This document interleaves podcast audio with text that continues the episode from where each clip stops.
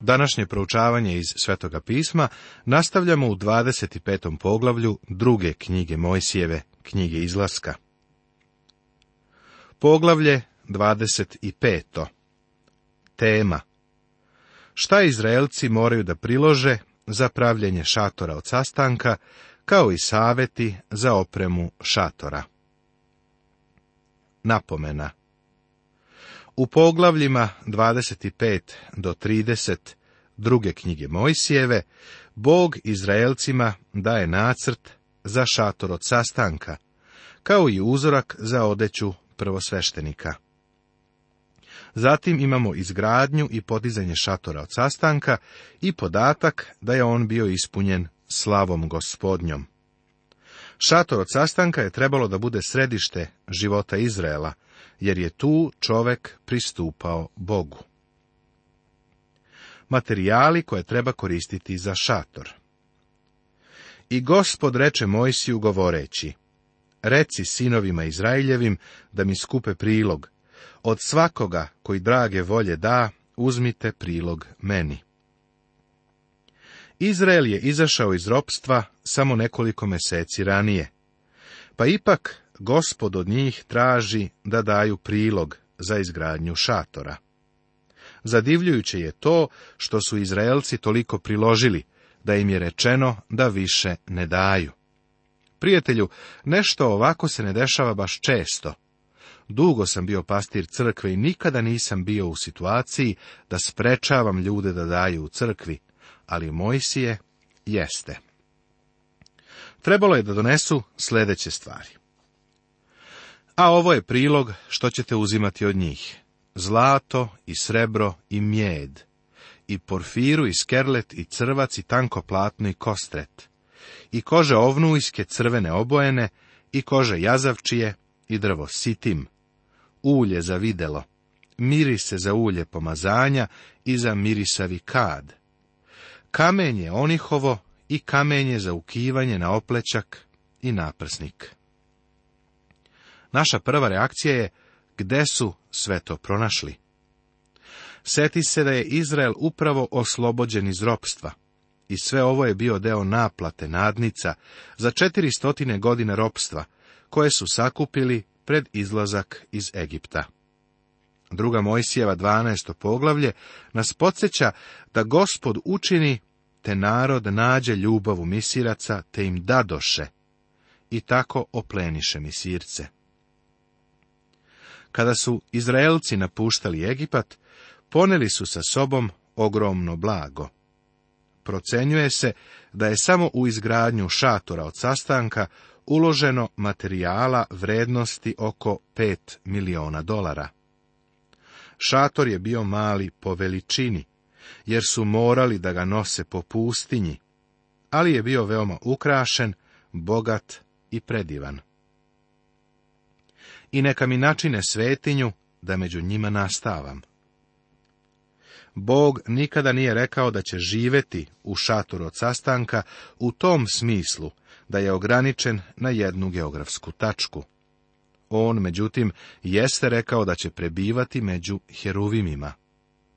Prva knjiga Samuilova u četvrtom poglavlju, druga knjiga Samuilova u šestom poglavlju, druga knjiga Carevim u devetnaestom poglavlju i knjiga proroka Isaije u 37. poglavlju svi svedoče o ovome. U Izraelu je vladala teokratija, a Jahve je bio car. Bog je upravljao i vladao Izraelom. Njegov tron je bio između heruvima i tu je bilo mesto na kome je čovek susretao Boga. Ideja koja danas postoji da Bog prebiva u zgradama, sačinjenim rukama, nije tačna. To je pagansko mišljenje. Neki ljudi crkvenu zgradu zovu Božijim domom. Ona nije Božiji dom, jer on ne prebiva u zgradi i nikada i nije. Solomon je to tačno izrazio. Ko može da mu izgradi dom, kada nebo i nebesa nad nebesima ne mogu da ga obuhvate? Šator od sastanka je bio mesto na kome se čovek susretao sa Bogom. Gospod caruje, neka strepe narodi, sedi na herovimima, nek se drma zemlja. Kovčeg je bio Božiji tron i prvi komad opreme koji su morali da naprave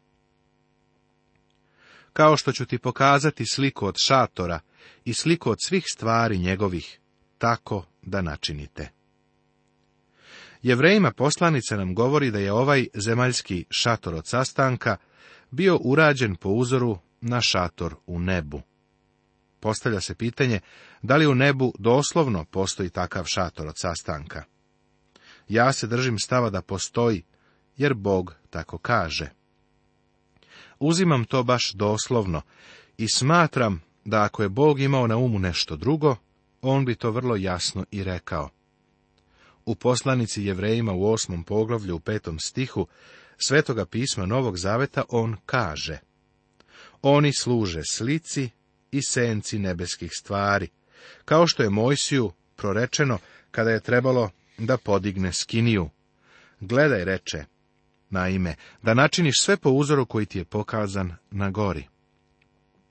A u poslanici Jevrejima u devetom poglavlju, u 23. i 24. stihu nastavlja i kaže Moraju se dakle slike nebeskih stvari ovim čistiti, a same nebeske stvari boljim žrtvama od ovih. Jer Hristos ne uđe u rukotvorenu svetinju, sliku one prave svetinje, nego u samo nebo, da se sad pokaže pred licem Božijim za nas. Saveti za pravljenje kovčega zaveta Spoljašnje dvorište je bilo ograđen teren oko šatora od sastanka. Dugačko sto, a široko 50 lakata. Lakat je bio jedinica mere koja se zasnivala na dužini podlaktice od vrha srednjeg prsta do lakta. Ako izmeriš svoj lakat, vidjet ćeš da je dugačak oko 45 cm. Ako si niža osoba, bit će nešto manji, ako si viša, bit će nešto duži od toga. Zato je dužina lakta varirala, ali je iznosila otprilike 45 cm. Ako pogledaš kakav je bio nacrt šatora od sastanka, vidjet ćeš da je u spoljašnjem delu bio mesingani oltar i umivaonik, ovo piše u 30. poglavlju knjige izlaska, druge knjige Mojsijeve. Oblast šatora od sastanka je bila podeljena u dva dela, svetinju i svetinju nad svetinjama. Sam šator je bio dugačak 30 lakata, a širok 10 lakata i visok 10 lakata. Svetinja je bila dvadeset sa deset lakata, a svetinja nad svetinjama je bila deset lakata duga, deset široka i deset visoka, pa je predstavljala savršenu kocku. Nameštaj u svetinji se sastojao od stola sa hlebovima, zlatnog svećnjaka i kadionog oltara. U svetinji nad svetinjama je bio kovčeg zaveta i poklopac pomirenja. U tremu su bile dve stvari bakarni oltar i umivaonik, a bile su ograđene belim platnom, zavesom. Neka načine kovčeg od drveta sitima, u dužinu od dva lakta i po, a u širinu od podrug lakta i u visinu od podrug lakta. I pokuj ga čistim zlatom iznutra i iz polja pokuj ga. I ozgomu načini zlatan venac unaokolo. I sali mu četiri beočuga od zlata, i metni mu ih na četiri ugla, da mu s jedne strane budu dva beočuga i s druge strane dva beočuga. I načini poluge od drveta sitima i oku ih u zlato. Kovčeg sa poklopcem pomirenja od gore bio je mesto na kome će Bog da se susreće sa Izraelcima. Bilo je to mesto na kome će oni pristupati svome Bogu. Bila je to svetinja nad svetinjama, u šatoru od sastanka. Zapazi da je kovčeg zaveta prvi deo opreme koji se pravi.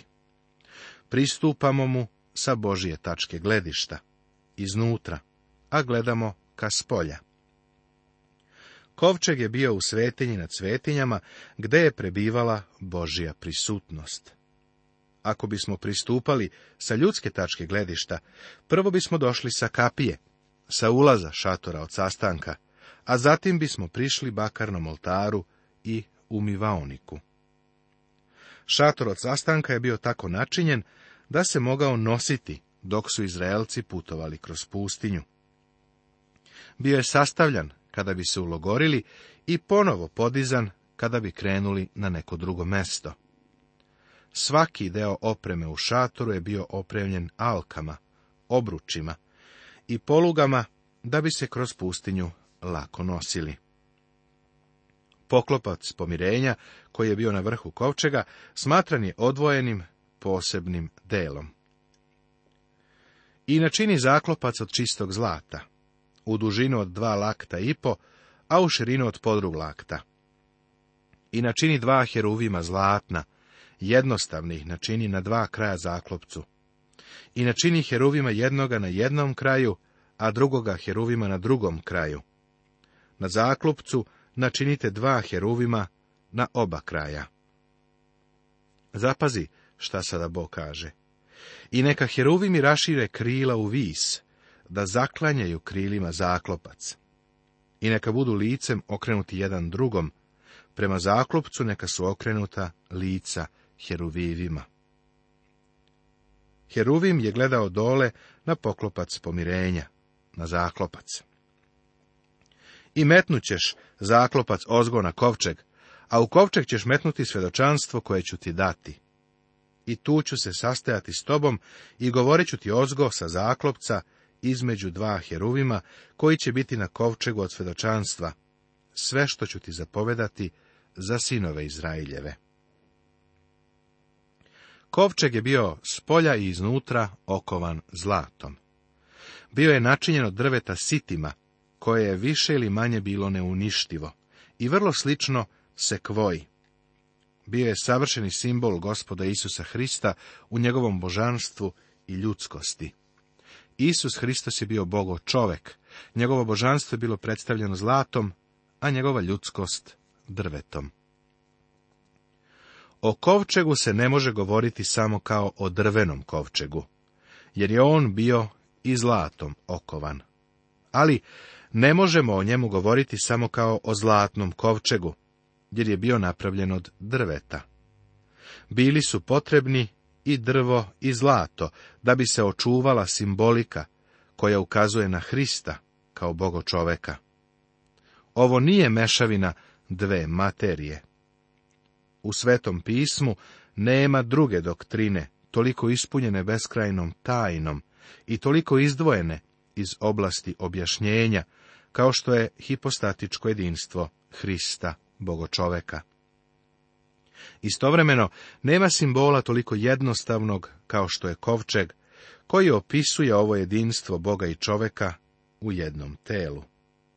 Sam kovčeg, načinjen od drveta i zlata, govori o neizmernim stvarima. Bog zaista bira jednostavne stvari da zbuni mudre. Ova jednostavna kutija kovčeg Priča nam celu priču. Koliko to čovek može da razume? Priču o neiskazanoj tajni blagoslovene osobe gospoda Isusa Hrista. Kovčeg je bio prekriven zlatom, iz polja i iznutra.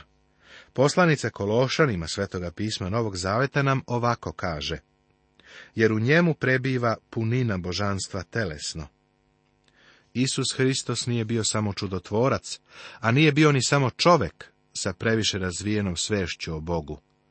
On je bio Bog. Govorio je kao Bog. Izjednačio se sa Bogom. U Evanđelju po Jovanu u 14. poglavlju naš spasitelj govori Neka se ne uznemirava vaše srce.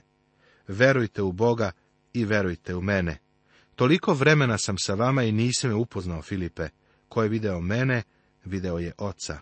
Da, on je bio Bog. Bio je isto tako i savršeni čovek. Umarao se. Seo je da se odmori na bunaru u Samariji, usred dnevne žege. Spavao je, jeo, pio, smejao se, plakao, iznad svega toga patio je i umro. Sve ovo su ljudske osobine. Zlato i drvo u kovčegu zaveta su bili zahtevani, ali nisu bili međusobno pomešani. Identitet ni jednog, ni drugog se nije izgubio. Hristos je bio i Bog i čovek, ali se ove dve prirode nikada nisu pomešale ili stopile. On nikada u isto vrijeme nije delovao i kao Bog i kao čovek. Ono što je činio bilo je ili savršeno ljudski ili savršeno božanski. Kovčeg nije bio prazna kutija. U njemu su bile tri stvari koje su nabrojane u poslanici jevrejima u devetom poglavlju. Sa zlatnom kadionicom i kovčegom zaveta, obloženim svuda zlatom, u kom beše zlatan sud sa manom, i Aronov štap koji je procvetao i zavetne ploče. Sadržaj kovčega je također simboličan. Aronova palica koja je procvetala govori o gospodnjem vaskrsenju. Mana govori o činjenici da je Hristos hleb života. Deset zapovesti govore o životu koji je on živeo na ovoj zemlji, ispunjavajući zakon u svemu i ispunjavajući proroštva koja su o njemu izrečena. Ploče zaveta govore o Hristovom carevanju. On je bio rođen kao car, živeo je kao car, umro je kao car i iz mrtvih je ustao kao car. On ponovo dolazi na zemlju kao car. Božiji program danas napreduje i napreduje iz večne prošlosti do vremena kada će Hristos vladati ovom zemljom. Zemlji je potreban vladar. Čoveku je potreban car. Jednoga dana on će doći kao car nad carevima i gospod nad gospodarima. Posuda sa manom govori o Hristu kao proroku. On je govorio umjesto Boga, kao što nam Evanđelje po Jovanu šesto poglavlje jasno pokazuje. Zaista, zaista kažem vam, nije vam Mojsije dao hleb sa neba, nego vam moj otac daje istiniti hleb sa neba. Isus Hristos je također bio Božja poruka čoveku. Bio je logos, reč Božja, sama Božja azbuka, alfa i omega. On je konačna Božja poruka čoveku. Pošto je Hristos došao na zemlju kao bogo čovek, nebo je čutalo, jer Bog nije imao dopunu posle Hrista. Nije imao ništa što bi dodao tom pismu, jer je Hristos otelovljenje tog pisma, Bog je u Hristu iskazao svoje srce. Aronov štab koji je procvetao govori nam o delu Hrista kao sveštenika. Prorok je govorio za Boga ili umesto Boga pred čovekom. Sveštenik je govorio za čoveka pred Bogom. Kao sveštenik, Hristos je sebe predao na žrtvu. Kao sveštenik, otišao je na nebo. Čak i sada on u nebu sedi Bogu s desne strane. Isus Hristos, Bogo čovek, je vaskrsao iz mrtvih i predstavlja jedinstven primjer vaskrsenja sve do današnjeg dana. Vaskršni ljiljani i jaja ne govore o vaskrsenju, ali Aronova procvetala palica govori. Bio je to jedan stari štap koji je oživeo. Kovčeg zaveta govori o Hristu kao proroku, svešteniku i caru. I reč se ploti i stanova među vama, i gleda smo njenu slavu, slavu kao jedinorodnoga od oca, punog blagodati i istine. Poklopac pomirenja ili zaklopac je bio na kovčegu zaveta. Služio je kao poklopac tog kovčega, ali se smatrao posebnim delom nameštaja. Bio je napravljen od čistog zlata sa heruvimom na svakom kraju, a krila heruvima su bila raširena. Zaklanjala su taj poklopac mi su gledali prema poklopcu gde je prskana krv. Tu je prvosveštenik prskao krv od žrtve.